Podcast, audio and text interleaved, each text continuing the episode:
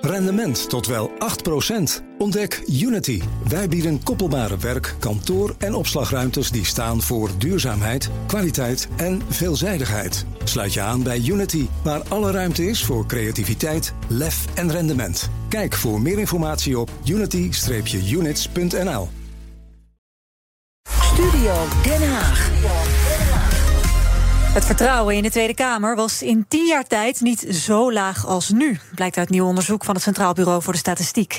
Slechts een kwart van de Nederlanders zegt vertrouwen te hebben in de Tweede Kamer. En iets meer dan 20 procent heeft vertrouwen in politici. Ja, is toch wel echt een treurige score, toch? De vraag is hoe het komt en ook vooral wat er aan te doen is. Daar is onze politiek verslaggever Leendert Beekman ingedoken. Hoi Leendert. Hey Nina. En ook aangeschoven bij deze Haagse tafel is Sofie Hermans, fractieleider voor de VVD in de Tweede Kamer. Goedemiddag, mevrouw Hermans. Goedemiddag. Met welk gevoel keek u naar die cijfers van het CBS vanochtend? Nou, toen ik dat las, of de NOS-app opende, moet ik uh, precies zeggen, en dan zie je die kop. Ja, toen dacht ik, dit gaat, gaat over mij. Uh, ik ben uh, politicus, ik ben een van die Tweede Kamerleden. En daarin is het vertrouwen dus laag. Um, ja, en dan even zacht, zacht, gezegd, dan is er werk aan de winkel. Ja. En het is natuurlijk gewoon niet leuk om te lezen. Wat, wat voelt u dan precies? Wat u zegt, ja, het gaat over mij. Wat doet u dan mm -hmm. verkeerd, denkt u zelf? Um, ja, kijk, uiteindelijk is het natuurlijk een optelsom van wat we met z'n allen hier doen.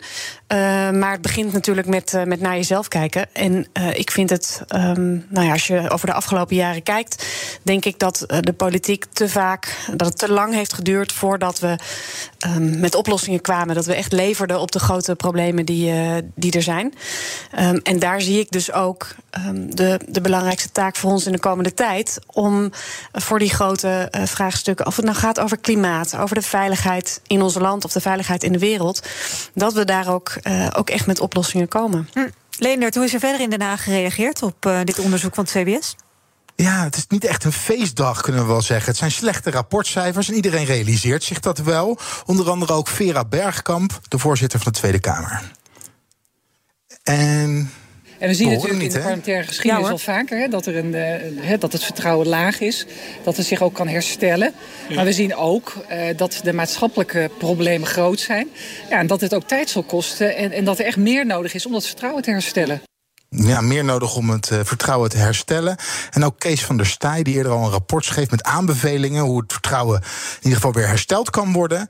Ook hij was vandaag toch wel een beetje in een mineurstemming. Trieste cijfers en, uh, uh, en, en, en, en hardnekkig. een, een onderwerp waar vasthoudende inzet op nodig is. Een hardnekkig probleem. Dus vasthoudende inzet nodig. Niet vandaag of morgen opgelost, maar moeten ons wel allemaal aantrekken om daar verbeteringen te krijgen. Ja, dan is de vraag, hoe kan je het verbeteren? Ja. Want als we dan eventjes uh, drie jaar teruggaan, begin van corona... toen was het vertrouwen een stuk hoger. 44% in politici en 58% in de Tweede Kamer. Zo, dus dat is echt een mega verschil. Hoe komt dat? Hoe kan je dat verschil verklaren, Leendert? Dat dalende vertrouwen, waar zit hem dat nou in?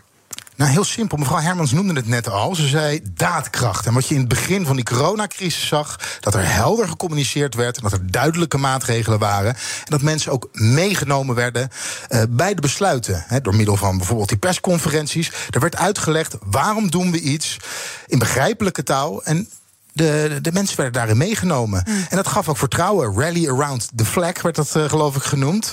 Uh, in de tijden van crisis is er wat extra vertrouwen in politiek. Maar het vertrouwen wat toen er was, is nu helaas verloren. Ja, mevrouw Hermans, um, dan is het toch wel ingewikkeld, lijkt me, om dat vertrouwen weer terug te krijgen. Want u zei al van ja, uh, we moeten dus duidelijkere keuzes maken.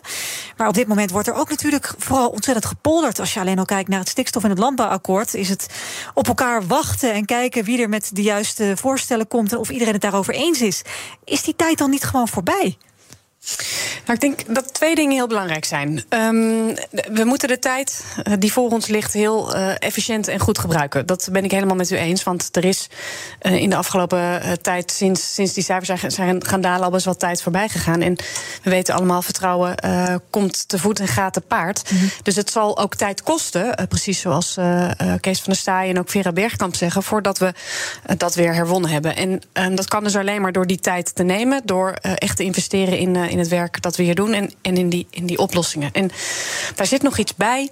We hadden hier twee weken, drie weken geleden een debat over de uitslag van de provinciale statenverkiezingen. Mm -hmm. Waarin je een deel van dit lage vertrouwen in politiek natuurlijk ook terugziet. Hè? Dus mensen die zijn gaan stemmen uit onvrede, uh, om ook te laten horen: ja, er is ja, wij, wij, wij zijn het niet eens met dingen die gebeuren. En mhm. nou, dat heeft tot die uh, gigantische overwinning van uh, BBB geleid. Maar daar zit voor mij iets onder. Uh, er stond een artikel in de correspondent een tijdje geleden. En dat ging over de politiek van het eeuwige moeten. En, en, en als ik dat aan de hand van voorbeelden uitleg, dan politiek die, ja, waar we eigenlijk, uh, wij politici, met onze rug tegen de muur staan, omdat we dingen te lang hebben laten liggen. En het ertoe leidt dat uiteindelijk een richtlijn uit Brussel, uh, kijk naar stikstof, een uitspraak van de rechter, ook stikstof, maar ook klimaat, ons dwingt om stappen te zetten, om maatregelen te nemen. Mm -hmm. En we eigenlijk geen alternatief meer hebben, niet meer ook de tijd hebben om daar uh, goed over na te denken. En, nee. um, ja, en, en, we, en we dus met onze rug tegen de, tegen de muur staan. Terwijl politiek voor mij moet gaan over wat wil ik? Hè? Wat wil ik bereiken? Ik ja. wil, als je naar klimaat kijkt, ik wil dit land schoon doorgeven. Ik wil snel onafhankelijk worden van Rusland. Dat wil ik niet omdat het moet van het klimaatakkoord, maar dat wil ik omdat ik dat belangrijk vind voor Nederland. Maar dan moet ik wel ja. op tijd de juiste beslissingen nemen. En zo komt er nu een aantal vraagstukken op ons af. Waarvan ik vind, die zullen niet makkelijk zijn. Die zullen ingewikkelde debatten met zich meenemen. En moeilijke uh, keuzes vragen die ja. ons ook niet altijd populair maken, maar die voor die lange termijn goed, zo belangrijk dat, zijn. Dat eeuwige moeten, wat u vertelt. Uh, inderdaad, de afgelopen tijd hebben we bij de stikstof, wat een mooi voorbeeld is, hebben we heel vaak gehoord: het moet van de rechter. Ja, van Brussel. Het moet van Brussel. Hè. Maar je kan ook zeggen: wij willen dit vanwege de natuur. Ik wil dit, want ik wil de natuur beschermen. Ik wil dit, want ik wil dat we weer huizen kunnen bouwen, wegen kunnen aanleggen. Ik wil dat onze economie kan groeien in al die het, provincies. Is het toch aan de VVD om dat te doen? Zeker. Nee, dus ja. daarom zei ik, begon ik ook helemaal ja. met als ik zo'n artikel lees. Um, ja, het gaat over 150 Kamerleden, 75 Eerste Kamerleden. Het gaat over het kabinet. Het zijn allemaal politici. Mm -hmm. uh, maar het is wel heel makkelijk om altijd naar anderen te wijzen. Ik vind dat je moet beginnen met kijken naar jezelf. Ik ben fractievoorzitter van de VVD. Uh, wij zijn met 34 uh, Kamerleden in de Tweede Kamer, onderdeel van een coalitie. Dan is het ook mijn verantwoordelijkheid om die dingen die we hebben afgesproken in het coalitieakkoord uit te voeren. Plus al die dingen die nu dagelijks op ons, op ons, op ons afkomen. Nou, maar mevrouw Hermans, laten we kijken naar uzelf. U uh, loopt door de supermarkt elke dag. U heeft ook gewoon een gewoon leven. Wordt u dan nooit ja, aangesproken door de mensen dat ze zeggen... wij hebben helemaal geen vertrouwen meer in u? Ik word wel aangesproken in Albert Heijn. Um, en, uh, en, soms gaat dat over hele specifieke onderwerpen. Soms gaat dat over, joh, hoe gaan jullie daar om met elkaar in Den Haag? Hele belangrijke factor volgens mij ook voor... heb je nou vertrouwen in de politiek? Zijn ze met mij bezig, met mijn problemen in het land? Of zijn ze vooral met zichzelf bezig en met ruzie maken? Um, en mensen, als je gewoon rustig in de Albert Heijn... of een andere supermarkt... Uh, bij de groente en fruit over een onderwerp staat te praten is er ook wel begrip voor de complexiteit van veel dingen waar we hiermee te maken hebben. Um, maar ook dat is niet een excuus uh, om niet uh, toch stappen te zetten en ja, uh, besluiten te nemen. U, u, wordt dus al aangesproken, dus u wist toch al dat het vertrouwen aan het dalen was. Dus u, u wist ja, eigenlijk ook al van we moeten een beetje, ik, een beetje tempo maken. Ik zeg toch ook niet dat het een verrassing was vanochtend. Dat hele debat drie weken geleden over de verkiezingsuitslag ging ook hierover. Ja, het, en er is ook nog wel een mooi rapport van de Raad van State gekomen. Ja. Uh, het jaarverslag waarin de Raad van State eigenlijk twee adviezen geeft. Eén, maak keuzes. En als je die keuzes dan gemaakt hebt, zorg dat je goed uitlegbaar beleid ja. maakt, simpele wetgeving ja. en het gaat uitvoeren. Ja, en, en volgens mij daar, bijvoorbeeld klimaat. Hè? We hebben daar nu net dat hele grote pakket met maatregelen afgesproken om, om echt dat doel wat we met elkaar hebben afgesproken om dat te halen. Maar het komt er wel op aan dat we dat beleid nu ook gaan uitvoeren en dat dat voor mensen ook mensen thuis, uh, huishoudens, uh, maar ook ondernemers, dat het ook te begrijpen is dat je weet, hé, hey, daar is een regeling waar ik uh, financiële ondersteuning kan vragen, of is daar is een regeling wat mij praktisch ondersteunt in, in het verduurzamen. En, en daar moet nu alle energie en aandacht op gericht zijn om dat ook voor elkaar te krijgen. Ja. Want ja, plannen maken kunnen we hier eindeloos. Uh, nu moeten we ook uh, leveren in, ja. de, uh, het leven van alle dag. En waar kunt u dan beginnen? Want waar iedereen nu op zit te wachten zijn bijvoorbeeld keiharde keuzes in dat hele stikstofbeleid in het landbouwakkoord. En ook dat blijft maar vooruitgeschoven worden. Is dat dan misschien prioriteit één? Waarop misschien Rutte moet opstaan nu en zegt: dit, zo gaan we doen. En ik kan nou, het uitleggen. Denk, er zijn um, stikstof is, is er één, klimaat is er één, asiel, uh, asiel is er één, uh, veiligheid, de internationale veiligheid, uh, maar ook veiligheid hier in Nederland. Dus het zijn heel veel grote onderwerpen tegelijkertijd. Um, die ook tegelijkertijd om, uh, om actie vragen. Uh, en, en u zegt heel terecht uh, stikstof in het landbouwakkoord. Ik denk dat terecht de, de, de agrarische sector in Nederland, de boeren in Nederland, wachten op dat akkoord. Perspectief wat daarin zit. En de afspraken die daar ook in gemaakt worden om, om ook aan dat perspectief te kunnen werken. Ja, en dan misschien toch maar even loslaten dat iedereen het ermee eens moet zijn, zoals een LTO en alle andere stakeholders. En daar toch even, net zoals in de coronatijd, waarin het vertrouwen in u heel erg hoog was, uh, toch maar even keuzes te maken. Scherpe keuzes die misschien niet voor iedereen leuk zijn, maar we moeten vooruit. Ja, scherpe keuzes ben ik helemaal voor. Maar ik vind met zulke grote veranderingen waar onze samenleving doorheen gaat. Uh, en, de landbouw uh, is er daar eentje van.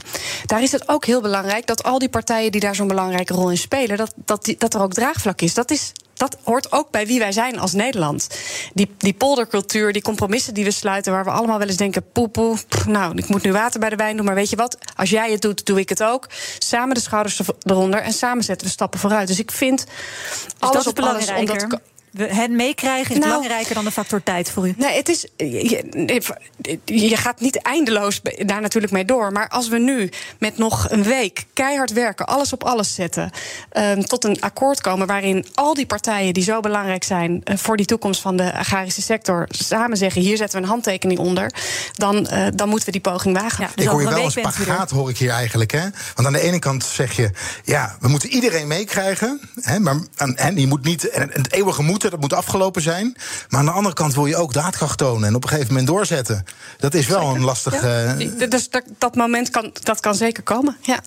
Ja. Veel dank aan jullie, VVD-fractievoorzitter Sofie Hermans en natuurlijk ook Lener Beekman, onze politiek verslaggever. Rendement tot wel 8%. Ontdek Unity. Wij bieden koppelbare werk, kantoor en opslagruimtes die staan voor duurzaamheid, kwaliteit en veelzijdigheid. Sluit je aan bij Unity, waar alle ruimte is voor creativiteit, lef en rendement. Kijk voor meer informatie op unity-units.nl.